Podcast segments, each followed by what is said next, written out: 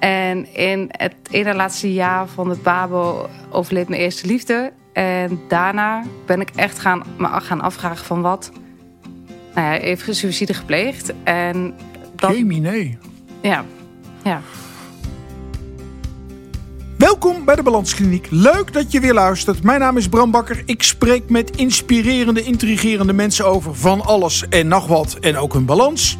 Vandaag Rianne Roes, relatie-expert en ervaringsdeskundig. Ze schreef een boek.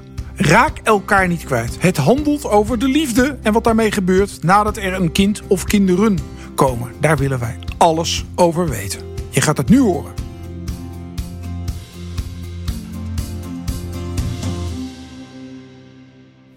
Rianne Roes stelt zich voor als iemand voor het eerst ontmoet als welk beroep? Um, welk beroep? Ik ben relatietherapeut, maar ik noem me ook wel liefdesrebel. Omdat ik heel graag wil dat we het uh, palet en liefdesland wat uh, gaan krijgen. Ja. Dus uh, ja, als je vraagt naar mijn opleiding zou ik zeggen... ik ben gedragswetenschappen en relatietherapeut. Als je vraagt naar mijn missie, dan gaat het meer richting uh, het liefdesrebel. Precies, ja. Het is wel een leuke. Ja. ja. Zijn er veel liefdesrebellen in Nederland? Um, ik denk dat er heel veel stille rebellen zijn in Nederland. Maar dat, uh, dat iedereen toch zoekende is naar een vorm van liefde... die bij hem of haar past. En als het dan niet binnen het geëikte patroon past... dan is het toch vechten om, uh, ja, om het zo te creëren dat het bij jou goed voelt. Oké, ben je dan, ja, het wordt nu gelijk heel persoonlijk, sorry, maar ben, ben, jij, ben jij vanwege je eigen liefdesleven een liefdesrebel of ben jij een liefdesrebel voor de mensen die zich tot jou wenden? Uh, allebei, denk ik. Ik denk dat dat toch altijd ook met elkaar te maken heeft. Dat uh, de dingen die je zelf meemaakt in je leven uh, mede bepalend zijn voor eh, de route die je kiest, zowel zakelijk als privé. Ja. Dus dat het rebelse zat denk ik altijd al wel een beetje in me dat ik merkte, ik ben opgegroeid op de boerderij en dat ik eigenlijk daar toch meer uh, de stadse was. En dat ik in de stad toch meer gezien werd als uh, het meisje van de boerderij. Dus dat je toch moet voelen van, hé, hey, maar wie ben ik nou zelf? En wat vind ik nu zelf van wie ik ben en waar ik voor sta? En um, ja, ik denk dat daar het rebels al wel een beetje is. Wat, ben je dan? Meer boerderie of meer stad? Um, ik denk een goede combinatie van beide. Eigenlijk voel ik vooral klinkt mega cliché hoor, maar mezelf. Ik merk dat ik echt in de middle of nowhere ben opgegroeid. En ja, dat maakt gewoon dat je heel veel op jezelf bent toegewezen geweest. Ja. Nou, misschien herken je het, maar uh, mm ja, de dichtstbijzijnde supermarkt was vijf kilometer verderop. Er, uh... Waar speelde het zich af? Want mensen horen natuurlijk ook al dat je niet uit Haarlem komt. uh, waar speelde, het speelde zich af in de Achterhoek. En dat was in Holterhoek, maar dat is iets wat bijna niemand kent. Holterhoek. Yes. Klinkt als een nieuwbouwwijk in Zwolle. Nou, dat... Holtebroek. hebben ze in Zwolle. Holterhoek. En waar ligt het ongeveer? Um, ja, waar ligt het? Het ligt tussen Enschede en uh, Doetinchem. Dat is Winterswijk. Ja, dat klopt. Het ligt in de buurt van Winterswijk. Maar ik ging er even vanuit dat de meeste luisteraars Winterswijk ook niet zouden kennen. De geboorteplaats van Weilen Gerrit Komrij. Klopt. Een van onze grootste dichters. Piet Mondriaan. En roemrucht vanwege de oorlog. Ja. ja. En, en daar ligt het vlakbij? Klopt, ja. Hoe, hoe ver? Vijf kilometer? Tien kilometer. Oké. Ja. Dus tussen Winterswijk en Holterhoek was nog een supermarkt? er was nog ergens halverwege was nog een supermarkt. Ja.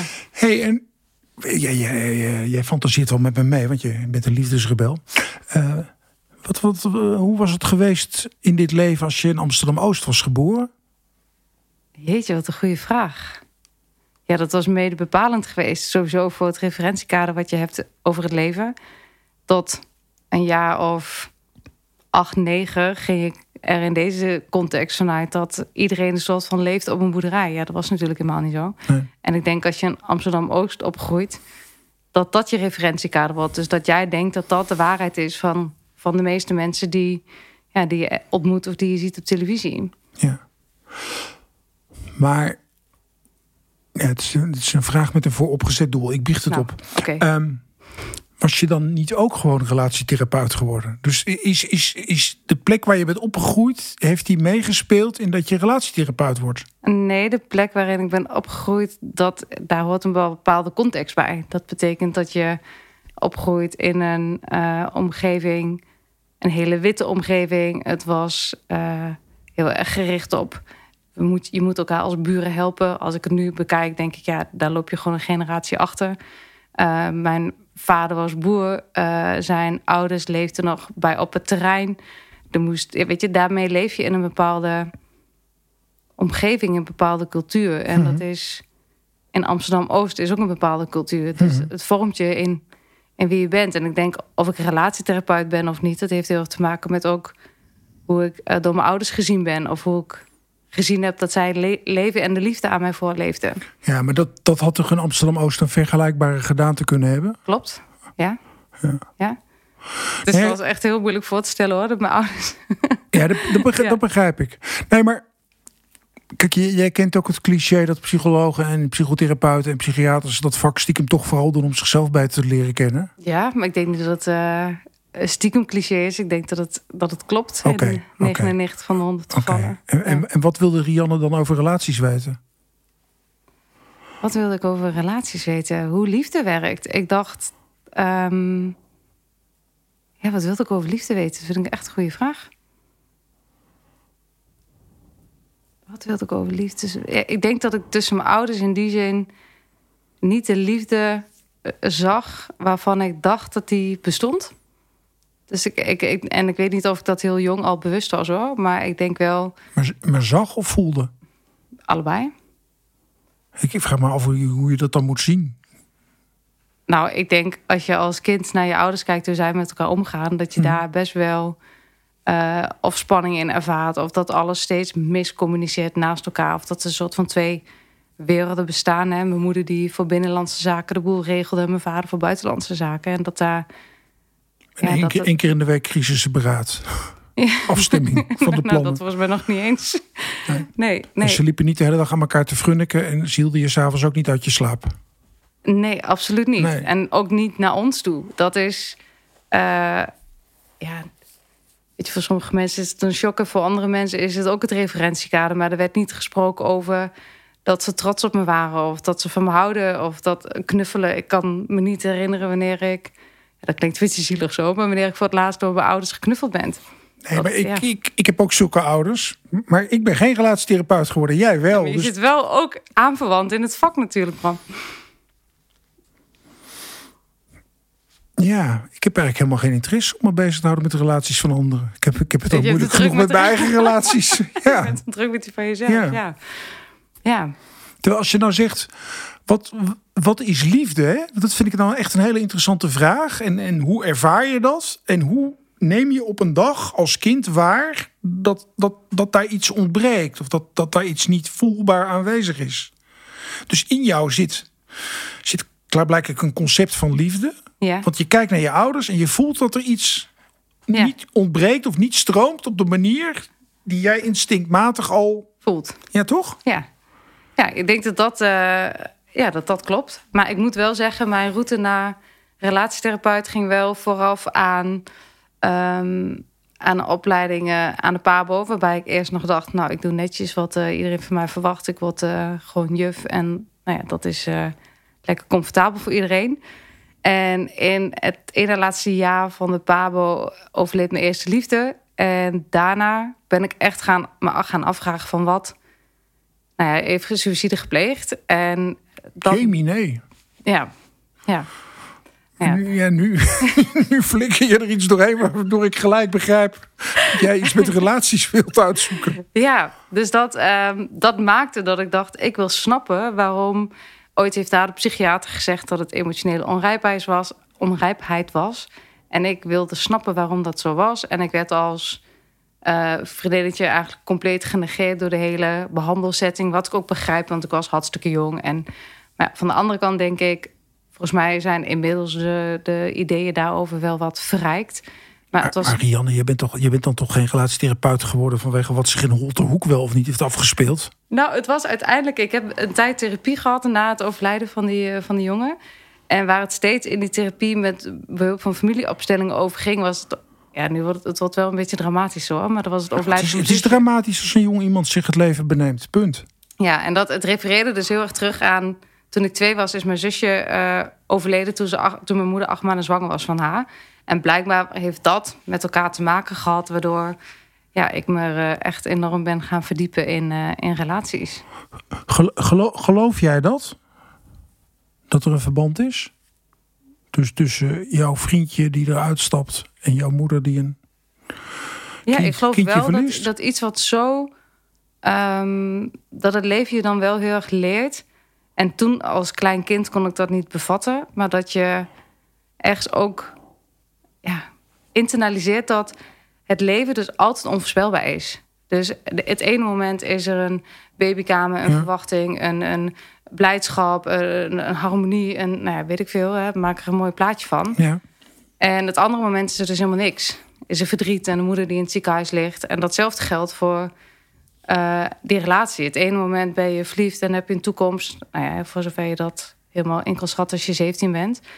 Maar, dan... maar dit is relativering achteraf, hè? dat gaan we niet doen. Jij, jij was verliefd en jij dacht, we worden 80 samen, toch? Uh, ja, dat heb ik gedacht, ja. Ja. ja. Auw.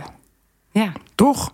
Ja, en het was natuurlijk in die relatie al heel moeilijk. Dat, um, dat de verbinding met hem, hoe meer we eigenlijk deelden... en hoe ja, liefdevoller het werd, hoe ingewikkelder het systeem... en de, de, de, eh, de aantrekken-afstoten dynamiek ook werd. Het ene moment waren we helemaal verliefd. En ging, kwam hij elke dag bij mijn huis langs en gingen we stiekem afspreken. En was er superveel liefde en vertrouwen. En het andere moment kreeg ik een berichtje. Ja, weet je, het, het heeft niks voorgesteld. En je moet niet denken dat het, uh, ja, dat het echt was. En dan waren we weer een week verder. En dan ging het riedeltje eigenlijk weer overnieuw.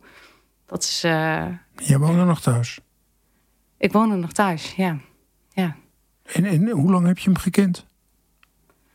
Vanaf mijn dertiende, denk ik. Vanaf mijn veertiende, zoiets. Fuck. Ja. Poeh. Ja, kan je dan nog iets anders worden dan relatietherapeut? Nee, maar dat meen ik echt. Poeh, dan, dan, dan wil je dat toch begrijpen? Ja. Hoe dat werkt? Ja, en daarom ging ik ook een beetje stuk op de...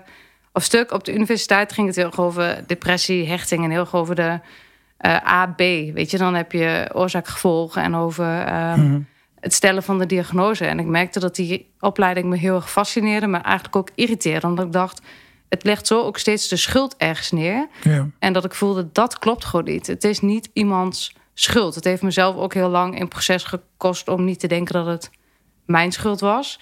En daardoor ben ik eigenlijk bij de systeemtherapie terechtgekomen. Waarin we veel meer kijken naar uh, hoe kan ik dingen begrijpen in een context waarin gedrag logisch is, in plaats van dat het een uh, probleem is wat moet worden opgelost. Hm. Maar die, ja, 15, 20 jaar geleden nu? Ja, 2015. Uh, 2005. Zou, je, zou jij nu echt, echt voluit kunnen zeggen dat je er niet meer schuldig over voelt? Nee. Nee, hè? Nee, dat gaat ik nooit weg. Nee. En, en dan zelfs als je zou zeggen, ik voel me niet meer schuldig... denk ik dat je nog met de gedachte moet stoeien... maar ik had het toch kunnen voorkomen? Ja, oh. ja. Ik denk niet dat ik, eh, dat ik het had kunnen voorkomen per se. Daar heb ik toen wel gedacht. Maar ja, het heeft denk ik wel.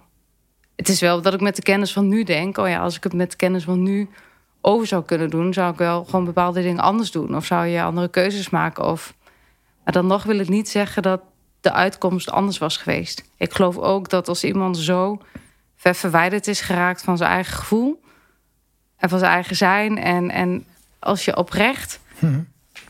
jezelf van het leven kan beroven, dan ben je echt heel ver van, ja, van, van jezelf, maar ook van de mensen van wie je houden af. Kan je dat, kan je dat nu je dat van zo dichtbij hebt meegemaakt, kan je dat denk je beter voorstellen? Of blijft het even onvoorstelbaar als wanneer dat hoort over een cliënt van een collega? Ehm, nee, ja, ik heb denk ik misschien ook wel daardoor, maar ik heb misschien een beetje een gekke relatie tot de dood of zo. Ik, tuurlijk, ik geloof wat Euven Jalom ook zegt. Iedereen is ergens gewoon heeft doodsangst. Tuurlijk heb ik dat ook. En toch schrikt het beeld van doodgaan me niet meer af. En ik kan me echt soms wel voorstellen dat het ook gewoon rust geeft. Dat, dat, dat er soms zoveel dingen zijn die moeten in het leven of die je bezighouden. Dat, ja, dat als je dan denkt aan de dood zonder dat ik het zelf zou doen bij mezelf. Dat ik wel denk, ja, ergens geeft het ook rust. Dat, ik geloof echt dat het ook een, ja, dat het een punt is die ook heel lekker is. Een punt van het leven. En dan is het. Uh... En je denkt wel dat jouw toenmalige vriendje rust heeft gevonden? Mm, ja, dat vind ik dan ook wel heel moeilijk te zeggen. Ik denk dat het wel even geduurd heeft. Maar dat, dan begeef je ook een beetje op het terrein van de, van de mediums. Ik heb uiteindelijk wel hulp gehad ook van een medium. En dat vind ik altijd wel moeilijk hoor. Dat ik denk, hoe moet ik dat interpreteren? En is het vooral bedoeld om mijzelf gerust te stellen? Of is dit een waarheid? En wat heb ik eigenlijk aan deze informatie? En tegelijkertijd heeft me ook geholpen om, nou ja, om dat wat meer los te laten. Want ik had in het begin wel heel het gevoel dat hij nog heel erg aanwezig was in zijn energie. Dat ik ook s'nachts wakker werd en dat hij voor mijn gevoel naast mijn bed stond. En Hmm. ja, nou ja, dat zijn eh, niet echt eh, rustgevende Nee. tafereelen. En ging je naar een medium na, nadat je de reguliere GGZ-route had gelopen? Of dacht je gelijk, ik moet, ik moet in een andere hoek zoeken? Ehm, ik ben altijd wel meer, hoe gek misschien ook klinkt, eh, ik ben altijd wel meer getriggerd door het alternatieve. Maar ik vind het heel erg moeilijk om daar het kaf van het koren te scheiden. Om daar ook Ja. echt daadwerkelijk. Ja. ehm, ik heb bijvoorbeeld eh Dave Kluun een keer genoemd in een podcast ergens. Etty van de Graaf, daar ben ik geweest. Dat is een medium in, eh, bij mij in de omgeving. En zij heeft mij ook echt daarin wel goed begeleid. En ook op een manier waarvan ik dacht... ja, weet je, je bent, je bent wel in het hier en nu... en toch voel ik dat je weet waar je het over hebt... en raakt het me op een plek waarvan ik niet wist dat het me kon raken. En uiteindelijk ben ik midden twintig... bij een eh, psychologisch systeemtherapeut... receptpsycholoog was het volgens mij... terechtgekomen in, eh in Zutphen. En die deed veel met familieopstellingen. En daar heb ik al echt meer Toch een graag... beetje alternatief, toch? Is ook alternatief, klopt. In, in, Ja. in, die, in de gewone GGZ was je waarschijnlijk weggezet als een eh, neurotische vrouw met borderline trekken. Precies, hij ging ook tegen mij zeggen toen. Hij zei, hey Rianne, als jij jezelf zou mogen diagnosticeren... want je zit in het vak, wat zou je dan jezelf voor stempel geven? En ik zei toen OCD. Dus echt dat je probeert dingen dwangmatig eigenlijk vast te houden... en te controleren. Obsessief-compulsieve stoornis, ja. Ja. Ehm, maar dat had natuurlijk niks te maken met dat mijn hersen niet klopte. Het was denk ik een superlogische reactie op een hele traumatische ervaring. Ja, je komt nou ook niet op mij over als iemand die erg dwangmatig is. Nee, Maar dat dat- ben ik ook totaal ben je, niet ben je doorheen getherapied? Ja. Ja, die therapie heeft me echt heel goed geholpen. Ja. Die man heeft echt wel voor een keerpunt in mijn leven gezocht. Maar dat, dat borderline wat ik er brutaal in gooi, wat, eh, wat is daarop uw antwoord? Ehm, ik denk dat we allemaal... ja, weet je, als ik voor mezelf kijk, ik herken het wel. Ik kan super ehm, enthousiast zijn, impulsief. Ik eh, heb honderdduizend plannen tegelijk. En tegelijkertijd kan er ook gewoon heel veel zijn. Er hoeft maar iets kleins te gebeuren, waardoor ik denk... oh ja, pff, laat me zitten. En dan sluit ik me wel weer af. En dan ga ik ook in mijn, ja, in mijn bunker zitten. En denk ik, eh, laat me met rust. Dus weet je, die twee uitersten... Mhm. Ja, dat herken ik wel. Maar voor mij is dat leven. En ik vind het niet een stoornis.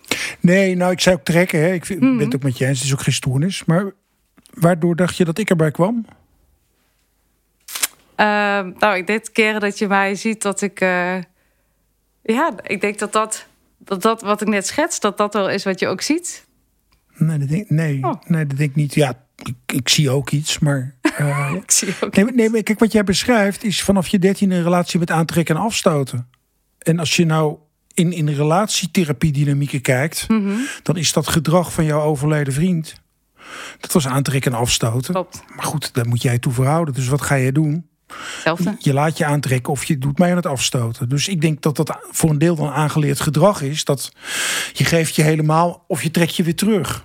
Ja, En dan ben je ook natuurlijk weer, Ja, bij, ben je ook weer bij veilige hechting die dan ja, toch een beetje lastig wordt. ja, Ben je een beetje gehecht aan iemand, eh, stapt hij eruit. ja.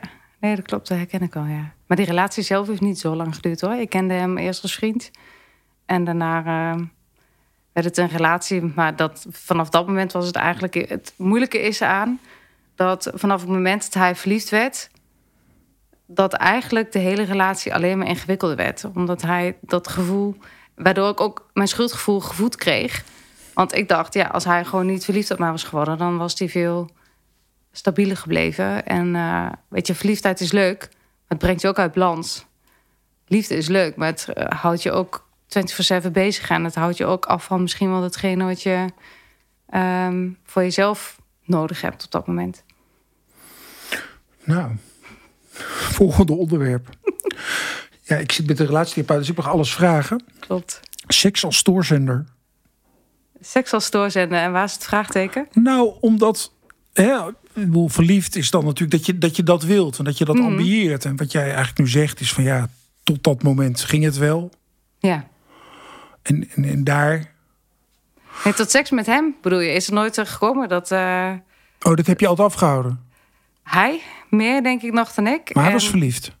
Ja. Ja, er, is wel, er zijn wel wat hand- en spandiensten verricht, maar dat, eh, dat was, ja, dat was niet, dat zou ik geen seks willen noemen. Nee, maar het linkt wel aan het schuldgevoel, hè? En, en dat weet jij volgens mij nog veel beter dan ik. In heel veel relaties focust men natuurlijk op een gegeven moment op de seksualiteit als het, het symptoomgebied. Hij wil niet meer, zij wil te vaak, of andersom. Nou, Ja, ja, ehm, op het moment dat je alleen maar vrienden bent, is dat vaak al ingewikkeld. Maar, Klopt. maar zet een hetero man en een hetero vrouw in een contact. En het gaat echt mis als een van de twee er hormonale opwellingen bij krijgt, toch? ja. Of, of is, dit, is dit te kort door de bocht? Ehm, ik weet niet of je het in, het al, in zijn algemeenheid bedoelt of... eh, Nee, nee, ja, ik bedoel, het is algemeen. En je, kan, je mag uit eigen ervaring antwoorden. nou, ik geloof wel heel erg in... ehm, ik weet niet of je David Snarch kent. Tuurlijk. Die, nou ja, hij, dat, is, hij is dood, maar iedereen moet hem blijven lezen. ja. Snarrig, mensen. Passionate Marriage, dat is Ja. toch ja, dat boek. Ik heb daar de specialisatie in gedaan, systeem en seks, bij, eh, bij de opleiding tot systeemtherapeut. En dat heeft wel ook mijn. Je hebt gewoon soms van die momenten in je leven die bepalend zijn voor de route die je wandelt. nou, dat, die hele verdieping met David Snarch, dat was er voor mij één van. Ehm, omdat hij heel erg kijkt naar seksualiteit eh, en naar de dynamiek binnen een relatie vanuit het raamwerk van seksualiteit.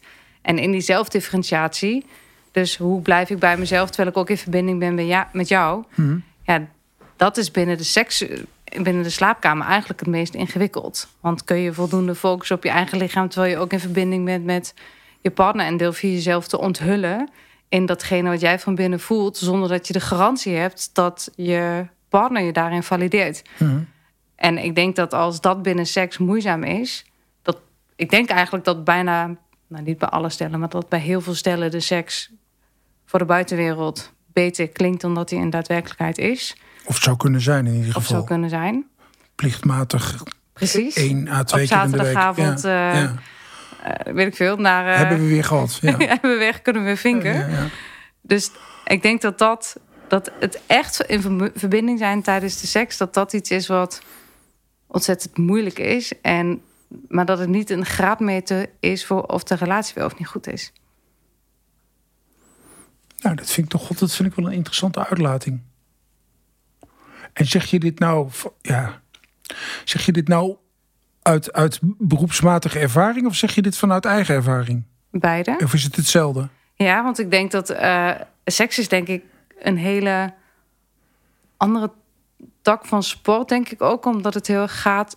Het is ergens ook een vaardigheid, maar het is ook een manier waarop je jezelf moet durven laten zien, kunnen ontspannen, terwijl je op je meest, meest kwetsbaar bent. Ja.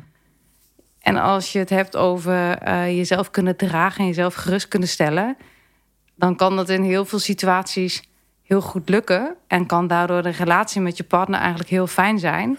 Maar dan hoeft het nog niet te betekenen dat je het hoogste level, laat maar zeggen, als je het dan even over levels wil hebben, ehm, op het gebied van de seksualiteit, dat dat ook lukt. Om je op je alle kwetsbaars toch te durven laten zien. Ik denk dat dat wel voor veel stellen moeilijk is. En dat seks dan toch een trucje wordt wat je inderdaad een paar keer per week doet. Maar dat het niet per se bijdraagt aan de ehm, verbinding van met jezelf of de verbinding met elkaar als partners. Of dat het bijdraagt aan de zelfverwezenlijking van wie je bent. Ja. Terwijl het het mooiste is als dat het wel is.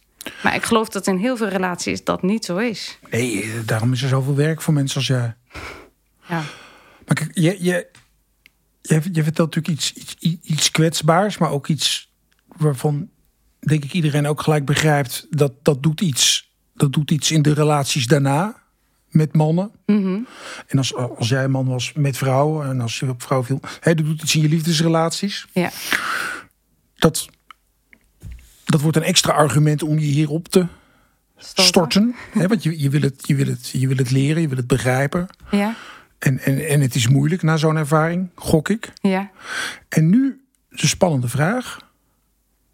Word je er dan vanzelf ook zelf bekwamer in voor jezelf? Of word je er heel bekwaam in om andere mensen mee te helpen?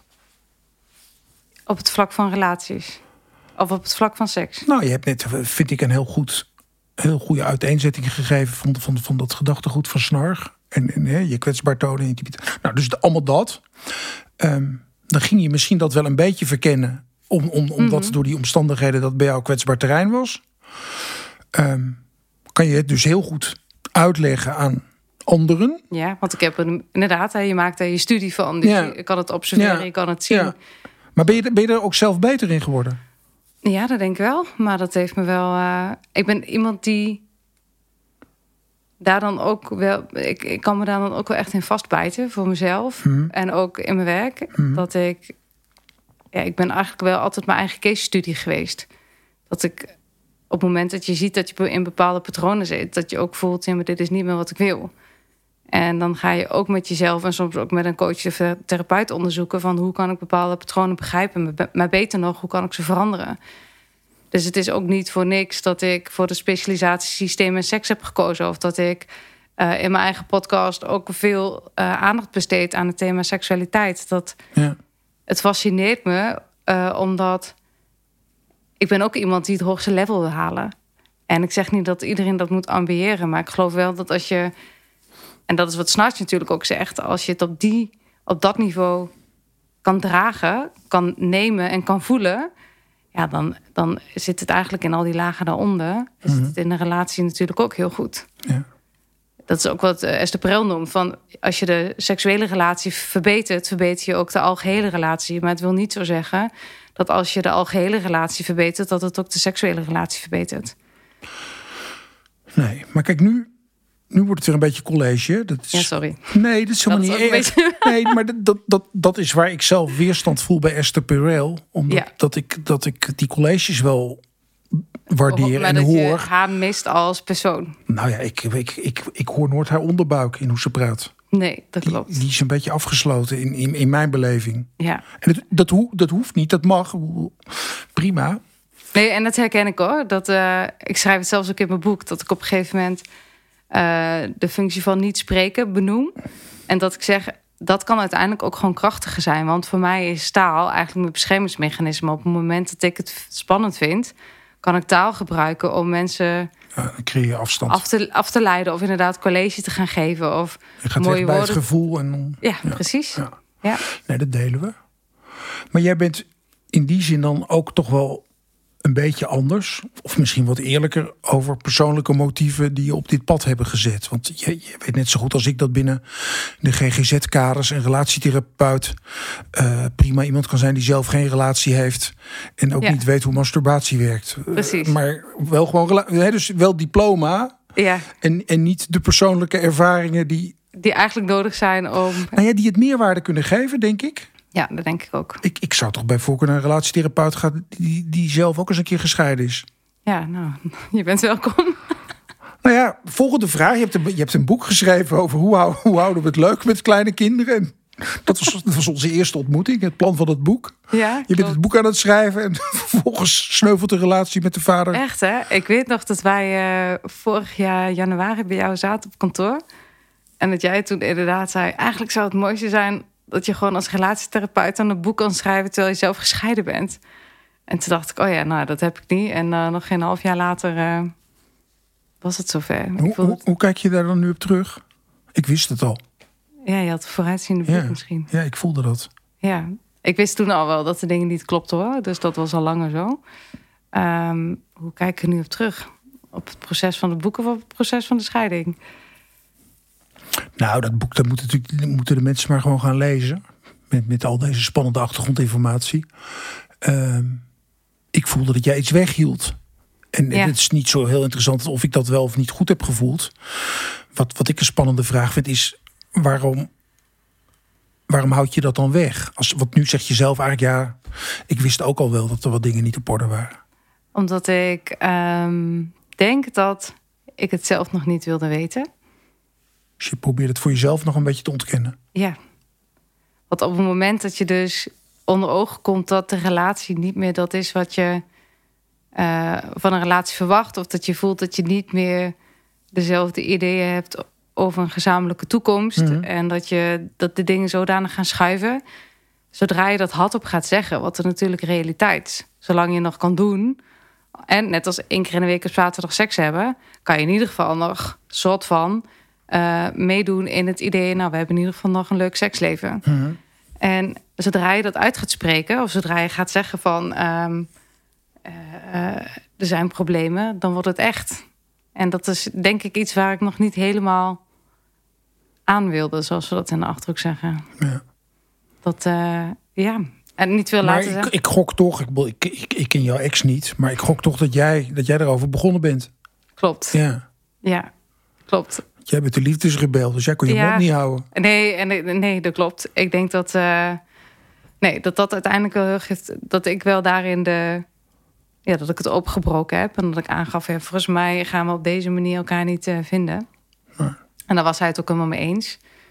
Maar ik denk dat we de manier waarop we elkaar weer wilden, of in ieder geval hebben geprobeerd te zoeken, dat dat niet geresulteerd heeft in, eh, ja, nog weer een nieuwe fase van ons leven samen. En als nou de ervaring waar we het eerder over hadden, hè, met die vriend die, die, die eruit stapte, als Mhm. die er niet was geweest, was, was deze relatie dan anders verlopen? Of kan je, kan je daar echt niks over zeggen? Jawel, daar kan ik wel wat over zeggen, want het heeft heel verwant met elkaar. En, ehm, want mijn ex was de beste vriend en neef van deze, eh, van deze jongen. ai. Dus hij heeft eigenlijk heeft mijn, mijn ex-partner eigenlijk voelt het een beetje oneerbiedig om hem zo te noemen, maar eh, ja, hij was een beetje de stabiele factor in die tijd. Die eh, Dat is je vluchtheuvel. degene met wie ik kon praten en met wie, wie het net zo van dichtbij, misschien nog wel van dichtbij had meegemaakt als ik. Want zij zijn samen opgegroeid. Nou ja, dat. Ja, je, je vond elkaars. je- ja, ik denk dat ik daarin meer de emotionele eh, persoon was en hij meer dat hij echt met mij sprak van, ja, weet je, hij was ziek en nou, ja, eh, noem het maar op. En nou, dat ik aan hem wel heel veel steun heb ervaren. En heel veel geduld en heel veel begrip. En ja, dat eh, resulteert dan in het gezamenlijk opgroeien. Gezamenlijk eh, in beide verschillende steden studeren. Het En, gedeelde verleden als, als Ja. basis. ja, en wel gewoon daarin ook in een omgeving leven... waarin heel veel dingen eigenlijk heel makkelijk samenvielen. En we als team supergoed konden... en nog steeds in het ouderschap gelukkig kunnen samenwerken. Maar ja, dat... En eh, wo- woonde hij ook een boerderij verderop? Hij woonde bij, op de plek waar, waar de supermarkt stond. Ja, ja. Ja, dus dat, eh, ja, dat was echt het gedeelde, eh, het, verleden, het gedeelde verleden wat we hadden. En ik denk dat ik op een gegeven moment gewoon veel meer ben gaan bewegen naar het ondernemen. Het, eh, ik wil meer reuring. Ehm, ja, ik denk dat ik in die zin degene ben die het meest is gaan schuiven de laatste jaren naar ja, meer mijn dromen najagen en meer van de wereld zien. En niet letterlijk door op wereldreis te gaan, maar wel om door mezelf. Ja, expansie is wat in me opkomt eigenlijk. Uit Ja. het bereiden te vergroten, te ontwikkelen. En voor hem was het ook op een gegeven moment, ja, goed is ook gewoon goed. Ja. Wat eerder eigenlijk hetgene was wat ik bij hem vond, was nu hetgene wat me bij hem weg, ja, bij hem weg haalde. En als, als we nou even helemaal teruggaan naar Holterhoek, dan, dan is Holterhoek wel uit Rianne, denk ik, voor een belangrijk deel nu. Ja, Heb je, heb je ooit in je jonge jaren dat, dat bij jezelf waargenomen? Dat, dat, dat sensitieve, emotionele. eh, ja. ja, maar dan, meer als, dan werd er meer een negatief oordeel over gegeven. Dat, Nee, maar zonder oordeel. Dat je voelde dat je. Dat je dat, dat, dat- nou, jij bent toch een klassieke HSP'er, noemen ze dat toch tegenwoordig? ik heb geen idee. Ik ben, ik ben echt zeer, zeer slecht en eh, zeer wars van hokjes. Dus ik heb geen idee hoe ik mezelf moet noemen. Nee, maar, eh, maar, maar, maar eh, gevoelig meisje. Ja, Is geen hokje. klopt. Nee, dat ben ik. En daar kan je, kan je twee oordelen aan plakken. Kan je zeggen eh, overgevoelig, dan is het negatief. En heel fijngevoelig, dan klinkt het veel aardiger. Ja, nee, dat heb ik toen altijd wel ervaren hoor. Dat ik, eh, ik, ik, ik, ik voel dingen die niet meetbaar of zichtbaar zijn. Dat, eh, dat had ik als kind al. En waar, komt waar komt dat vandaan? Van wie heb je dat geërfd? Of zat dat in, in, het- in het kippenhok verstopt? Wat- Ja, wat- van mijn vaders kant. ja? Eigenlijk kan ik wel van iedereen. Mijn oma had het ook. Mijn vader heeft het, maar die ontkent het. En eigenlijk eh, kan ik voor iedereen, eh, nou, niet voor iedereen van de familie, maar aan mijn vaders kant zijn meer eh, familieleden die met dit soort klachten toch wel flink ja, worstelen ook wel. Ja, snap ik. Snap ik. Ja, en mijn vader die is wel een meeste in ontkennen daarin. Maar ik weet het gewoon, ik hoef het niet eens van hem te horen. Ik zie het aan hem. Maar zie, hij, zie je het ook bij andere mensen eigenlijk? Um, soms, want ik kan natuurlijk niet weten wanneer ik het niet zie. Maar het is wel dat ik het ook wel eens wel zie, ja. ja. ja. En jullie zoon, heeft hij het? Ja, tot, eh, ja, dat gevoel heb ik namelijk wel. Maar dat is meer een blik soms in zijn ogen. En dat vind ik ook altijd heel erg moeilijk, omdat ik me ook wel bewust ben van het feit dat moeders toch ook wel de neiging hebben tot projectie. Ja. Dus ik weet ook niet in welke mate ik nou het heel scherp zie en in welke mate ik het wil zien, omdat ik het bij mezelf herken en we toch graag willen dat we iets van onszelf terugzien in onze kinderen. Ja. Dat, uh... Maar hier komt je strenge geweten er doorheen, hè? het gewoon waarnemen en er niks van vinden is lastig als moeder. Ja. Ja. ja. Ja.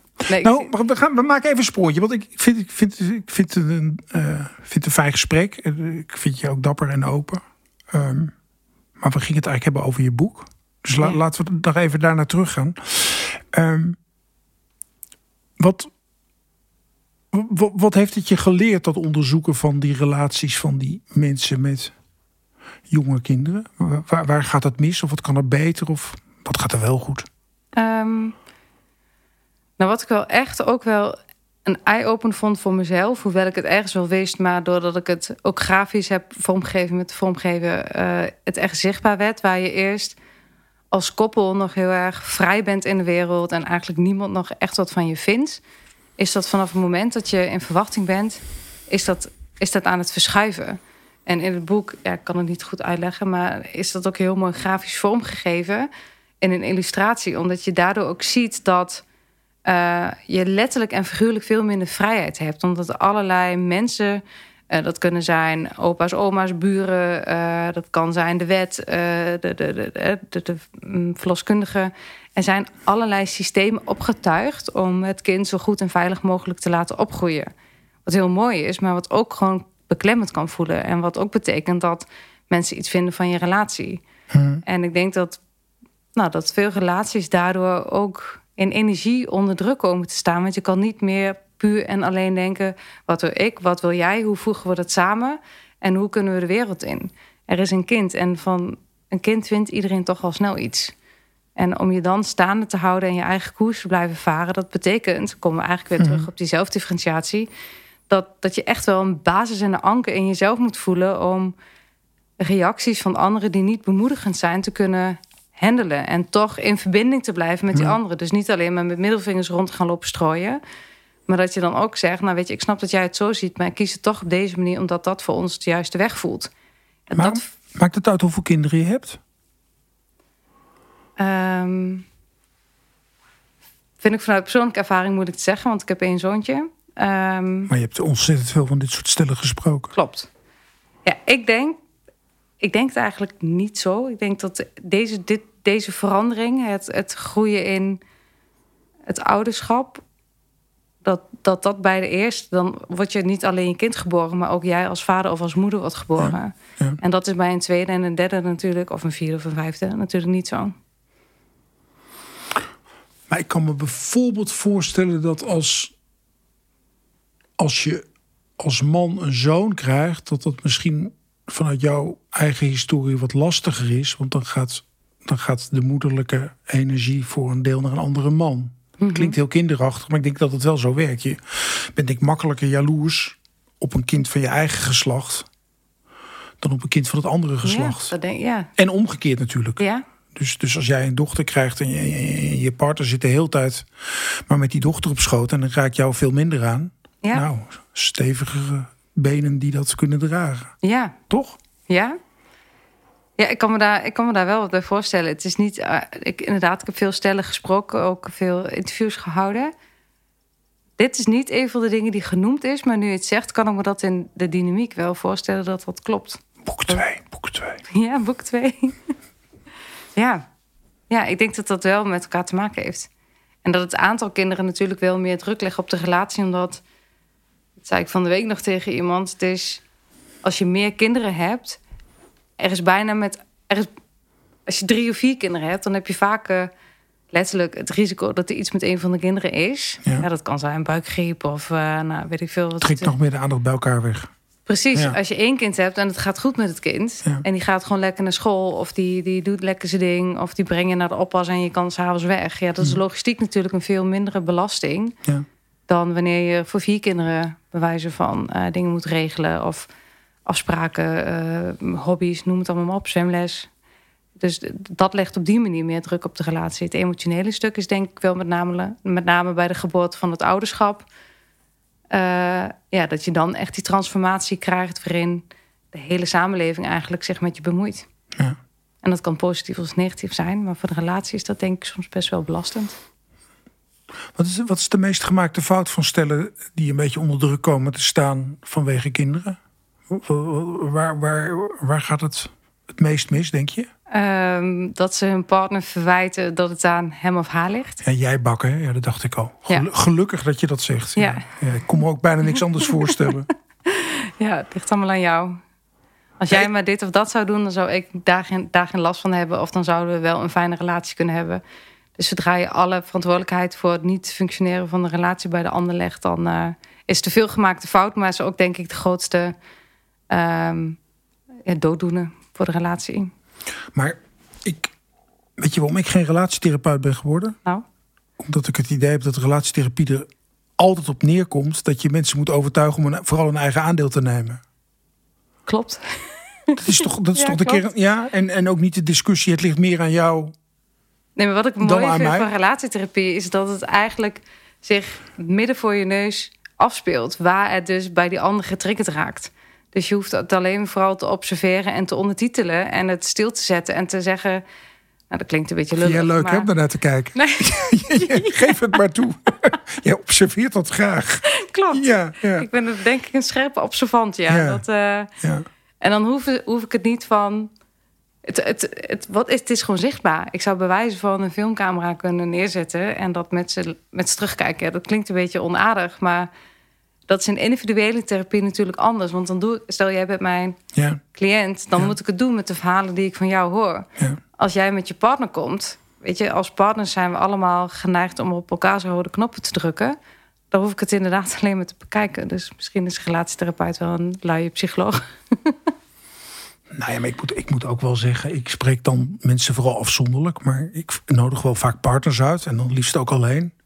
Dat ik altijd weer zo diep onder de indruk ben van hoe totaal verschillend Ja. de perceptie van de relatie is van beide kanten. Dat, dat, Ja. dat, dat, dat, En ook dat je dan. dat, dat een man zegt dat hij met een heks getrouwd is. Ja. En dat, dat, dat, dat, die heks zegt dat die- dat die man.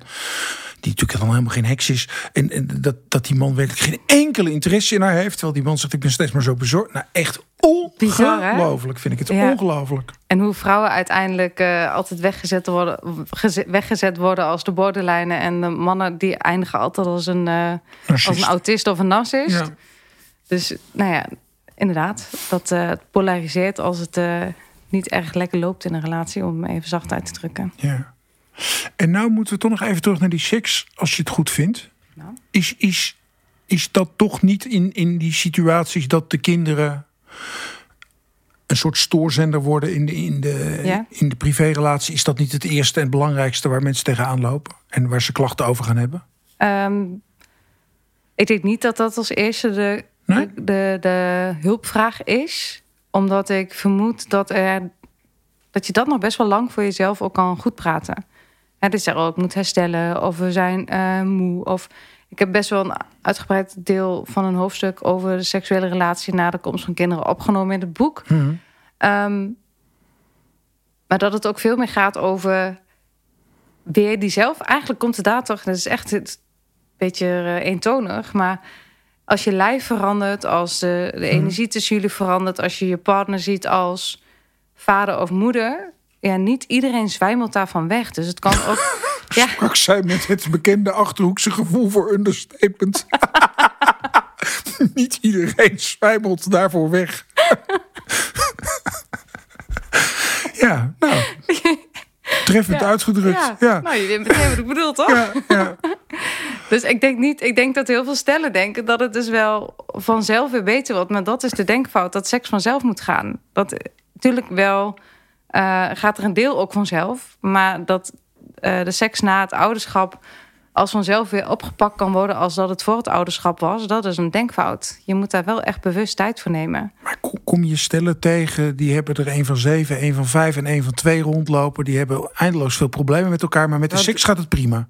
Nee, Kom je die tegen? Wel drie keer seks gehad en anders had je niet uh, ja, kinderen. Nee, maar dat dat, dat, dat, dat, dat, intact blijft, dat daar niet de klacht ligt, maar dat het van uh, hij steekt te weinig zijn handen uit in, in de huishouding. Ja. Of ik, uh, ik moet het allemaal alleen doen. Of, Tramsta. Ja. Ja.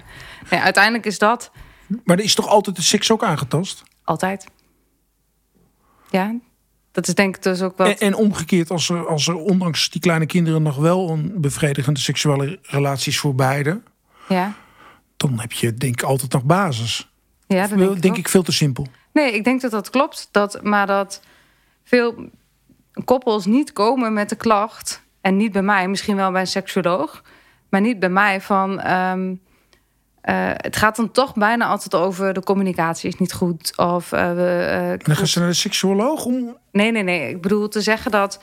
Je vroeg volgens mij, en misschien heb ik het verkeerd begrepen of gehoord, van hoe zit het nu met de, met de seks? Want dat is toch eigenlijk wel het eerste verschuifpunt binnen de relatie waar de koppels kunnen voelen dat het eigenlijk niet zo goed gaat binnen de relatie. Nou ja, ik zeg eigenlijk als het, als het niet goed gaat, is dat altijd met inbegrip van seks. En als er nog wel bevredigende seks is voor beide partijen, ja. dan is er nee, altijd nog een basis. Sorry, daar heb ik je begrepen. Nee, zo, zo, zo, zo, ja, en het ik is denk cliché, dat, ja, maar... Ik denk dat het als basis... Natuurlijk zijn er uitzonderingen, maar ik denk dat dat als basis klopt. Dat als, het, als er echt een bevredigend seksleven is... dus niet alleen maar de mensen die zeggen dat het bevredigend is... maar het ook daadwerkelijk is... dat dat de basis is voor de relatie... waardoor je ook veel meer uh, de mooie kant van elkaar als partner ziet. Dat, ik geloof daar wel in, dat er meer coulance is... als je gezien wordt als vrouw of als man... in, nou ja, in de erotiek en in de seksuele context... dat je veel meer bereid bent om uh, s'nachts drie keer vaker je nest uit te gaan... als het kind op te huilen. Dus ik denk wel dat het de bereidwilligheid binnen de relatie vergroot... als het daadwerkelijk een bevredigend seksleven is. En als er al problemen zijn binnen de relatie... dat het ja, 9 van de 10 keer ook gepaard gaat met, met een probleem binnen de slaapkamer. Hoe dat dan ook zich manifesteert. Maar als je nou... Hè, um, zij heeft een gecompliceerde keizersnee gehad... is fysiek eigenlijk niet helemaal goed hersteld. We zijn twee jaar verder. Hij heeft zich tot de firma Heineken gewend voor troost. Dus is 20 kilo te zwaar geworden. Mm -hmm. En in die twee jaar is er geen, geen fysieke intimiteit geweest. Dat komt toch nooit meer goed? Ik ben een optimist. Oh ja. Zo kijk, zo kijk, je nu niet. een optimist, misschien uh, tegen naïeve aan soms, idealist. Um, ja, ik geloof niet dat het nooit meer goed komt. Ik denk wel dat het heel hard werken wordt om elkaar nog te vinden. Maar dat het dan niet per se... Dat, dat is ook mooi wat je zegt, hè, de fysieke intimiteit. Dan ga je veel meer weer op zoek naar waar zit die intimiteit. In principe, nou dan komen we weer met, met de Achterhoekse nuchterheid. Maar platneuken, dat kan eigenlijk iedereen. Het is, dat is niet moeilijk. Maar om oh, uiteindelijk... Je hebt, je hebt echt bierbuiken die dat echt, echt onmogelijk maken. Ja, oké. Okay. Nee, maar nee, ik bedoel echt dus dat je, dat je elkaar gewoon echt onaantrekkelijk gaat vinden fysiek. Ja. En dat, dat kan, dat bedoel ik echt geslachtloos, hè? Dus dat Mhm. is niet aan jongetje of meisje gekoppeld. Nee, ja, dat kan. Ik denk dat, ja, dat, dat, uh, dat het al zeer moeilijk is om elkaar opnieuw uh, aantrekkelijk te vinden. Maar toch geloof ik in dat als je elkaar weer leert aanraken en leert zien, dat je ook een kentering in die beweging kan krijgen. Dat het niet meer zozeer gaat over, nou, hoe raken we zo snel mogelijk naakt? Nou ja, als het naakte dan niet zo heel appetijtelijk is, nou, dan ga je kijken, hoe, hoe vind je het fijn dat ik je aanraak? Vind je het fijn als ik je rug streel? Of vind je het fijn... Uh, nou ja, je kan wel opnieuw op zoek naar... Mm -hmm. um, welke aanraken vindt mijn, aanrakingen vindt mijn lichaam prettig? En dat kan, tenzij je echt afkeer voelt... maar dat hoeft dan niet per se te gaan, gepaard te gaan... met een mega fysieke aantrek, aantrekkingskracht. Dat geloof ik, dat dat zo kan werken. Hm. maar jij kijkt zeer bedenkelijk. Nou, ik, ja, ik denk dat ik het optimisme mis voor het werk wat jij doet. Maar... Ja, dat kan ook. Wat heb je nou tijdens het, tijdens het maken van dat boek? Wat, wat is nou wat is de grootste les die jij eruit gehaald hebt? Wat, wat hebben al die stellen waar je mee gesproken hebt jou geleerd? En alles wat je erover gelezen hebt? Ehm, wat ik vooral, en ik weet niet of dat echt een les is, maar wat ik me vooral echt realiseer, is dat wat je van de buitenkant ziet, gewoon nooit is wat er aan de binnenkant gebeurt. Dat hoe er zijn de meeste vragen, uh, meeste stellen heb ik ook, de meeste, een aantal heb ik ook echt anoniem gesproken. En ik merk dat ik dan antwoorden krijg van mensen die, um, die ik in de context kon. Ik, ik heb met ze afgesproken, ik behandel jouw vragenlijsten anoniem. Soms kwamen er mhm. ook vragenlijsten binnen van, een e-mailadres. Dus nou ja, dan weet ik dat het niet meer heel anoniem is. Ja. Dat wat je dus op een verjaardag of op een, een, een gesprekje, weet ik veel waar, op een feestje hoort, dat totaal niet is wat uiteindelijk op dat formulier genoteerd staat. Ja. En ehm, dat we van het idee af mogen dat de transformatie naar het ouderschap uh, alleen maar een transformatie van het ouderschap is. Het is ook een transformatie van de relatie en een transformatie van het zelf. Ja. En die vraagt ook tijd en aandacht. Ja. Misschien nog wel meer dan die van het ouderschap. Er zijn weet ik veel voor opvoedboeken geschreven. Nou, ik heb zelf de opleiding pedagogische wetenschappen gedaan. Maar het gaat dus, ik heb in de hele opleiding niks gehoord over de relatie. Niks gehoord over het partnerschap. Niks gehoord over hoe uh, ontwikkel je jezelf. Het ging, en daar gaat het volgens mij wel over. Want als je de relatie goed kan houden, in eerste instantie met jezelf en daarna met je partner. Ja, klinkt lullig, maar dan gaat eigenlijk het ouderschap vanzelf. Los van dat het wel hard werken is. Ja. Gaat, gaat het niet ook in relatietherapieën vaak mis omdat niet, niet alles op tafel komt. Dat toch één of allebei er niet in slagen om alles wat wel speelt te delen. Ja, dat, dat zal zeker zo zijn. Dat de dingen niet dat je gewoon, dat voel je soms, hè? Wat jij ook. Nou ja, dat de aantrekkingskracht van de buurman of de buurvrouw al. Toch net iets groter is. Ja, precies. Dat die al begint op te spelen. En ja, je zit nog in een relatietherapie, dus daar, wil je vooral het proces niet mee storen. Dus met, met goede bedoelingen ga je, nog niet, ga je nog even niet zeggen. Dat, dat je uh, iemand anders toch misschien wel een beetje leuk begint te vinden. Ja, ik denk dat dat vaak verzwegen wordt. Ja. ja. ja. dat klopt. En het is wat jij voelde vorig jaar bij mij, toen wij bij elkaar over het boek spraken. Ehm, dat het ook vaak nog zo is dat mensen het eigenlijk nog niet willen weten. Net als dat je in series soms hoort of ziet van.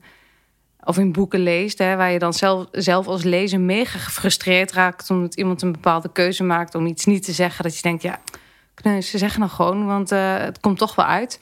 Maar dat als je zelf in die situatie zit en dus niet het kan observeren, ook die keuzes maakt om iets te verzwijgen of om te bagatelliseren of om te denken: ik bewijs iemand er daadwerkelijk een, nieuw, een dienst mee door het niet te zeggen. Dus het is denk ik niet allemaal um, bewuste sabotage van het proces in de relatietherapie. Maar ik denk wel dat onbewuste sabotage is, net, is net zo vervelend. Ja, ja, nog vervelender, want dan heb je er zelf veel minder grip op. Maar ik denk wel dat het, dat het klopt. Maar dat als je iets niet ziet, kun je het ook niet noemen. Nee. Kunnen nog een uurtje door, maar dat mag niet van de podcastbaas. Okay. Ehm, wat ik iedereen altijd vraag, en, nu dus ook aan jou, is: uh, wat, wat, wat zijn nou de dingen die jou aan het wiebelen brengen? Waar, waar ehm. moet jij op letten om niet te ontregelen als moeder en partner? En... Uh, ik heb soms te veel ideeën en uh, te weinig tijd. Dus als ik, als ik daar. Ik ben soms zo enthousiast over dingen dat klinkt eigenlijk heel positief, maar dat, dat het me zo bezighoudt dat ik gewoon s'nachts slecht slaap en daardoor krijg ik een kottelontje. En nou ja, ik heb altijd ideeën voor projecten. Ik wil mhm. altijd weer iets nieuws. Maar als het dan allemaal in gang is gezet en het blijkt dan te veel te zijn, dan, ja, dan loop ik nog wel een beetje uit het spoor. Dat uh, heb ik veel. Dan heb ik inderdaad uh, slaap ik slechter of dan heb ik migraineklachten. Dan denk ik, ja, dan moet ik eigenlijk weer even op de rem om in ieder geval beter te slapen. Ja. Ja. Maar dat, dit is natuurlijk niet zo erg, want naarmate je ouder wordt, word je hier beter in. Want je hebt, je hebt bewustzijn en je kan het heel goed benoemen. Dus dat komt wel goed. Um, hoe, hoe kom je, hoe, hoe haal je je poot van het gas? Wat brengt jou tot rust? Ja, wat mij tot rust brengt is eigenlijk dan toch de migraine. En dat is iets te laat, hè? Dat is meer noodrem. Ja. Wat me- en wat ik wel... Dan moet je in bed met, in het donker. Precies, dan word ik gewoon... Ja. Dan stapt eigenlijk mijn lichaam op de rem. Die zegt, nu is het eh, genoeg. En dan doe ik alweer een tijdje rustig aan. Dan denk ik, oh ja, ik moet eh, beter voor mezelf zorgen. En eh, meer gaan slapen. Nou ja, dat... eh, en het gaat wel beter hoor. Ik moet zeggen dat mijn migraine echt nog maar 10% is van wat het was. Dus dat ik wel eerder voel, ik moet slapen of eh, Mhm. Ja, op tijd ontspannen. En wat, wat ik doe om te ontspannen, dat is eigenlijk ook je vragen. Ja. En dan lees ik echt het liefst de meest onzinnige boeken. Maar dan moet ik wel in een mindset zitten waarbij ik denk... is oké, als, ik, als ik het voel als tijdverspilling... dan lees ik het liefst toch weer literatuur of dingen waarbij ik als ondernemer... of, ja. ja.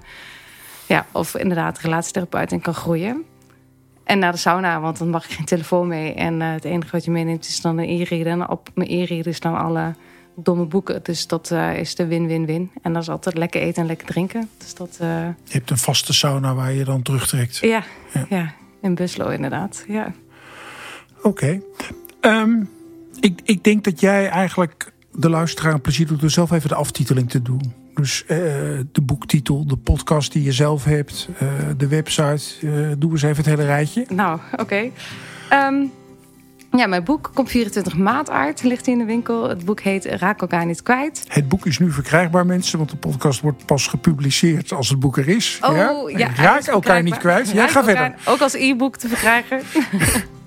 Eh, ook via mijn website te bestellen. www.samenalleen.com Eh, Mijn podcast waar binnenkort seizoen 2 van start gaat... is de podcast Alles is Liefde. En daarnaast heb ik een videotraining ontwikkeld voor koppels. En die heet de Relatiebooster. En die is ook via mijn website verkrijgbaar. Nu nog met eh 50 euro korting. En de website nog één keer dan. www.samenalleen.com Heel goed. Ik dank je enorm. Dankjewel, man.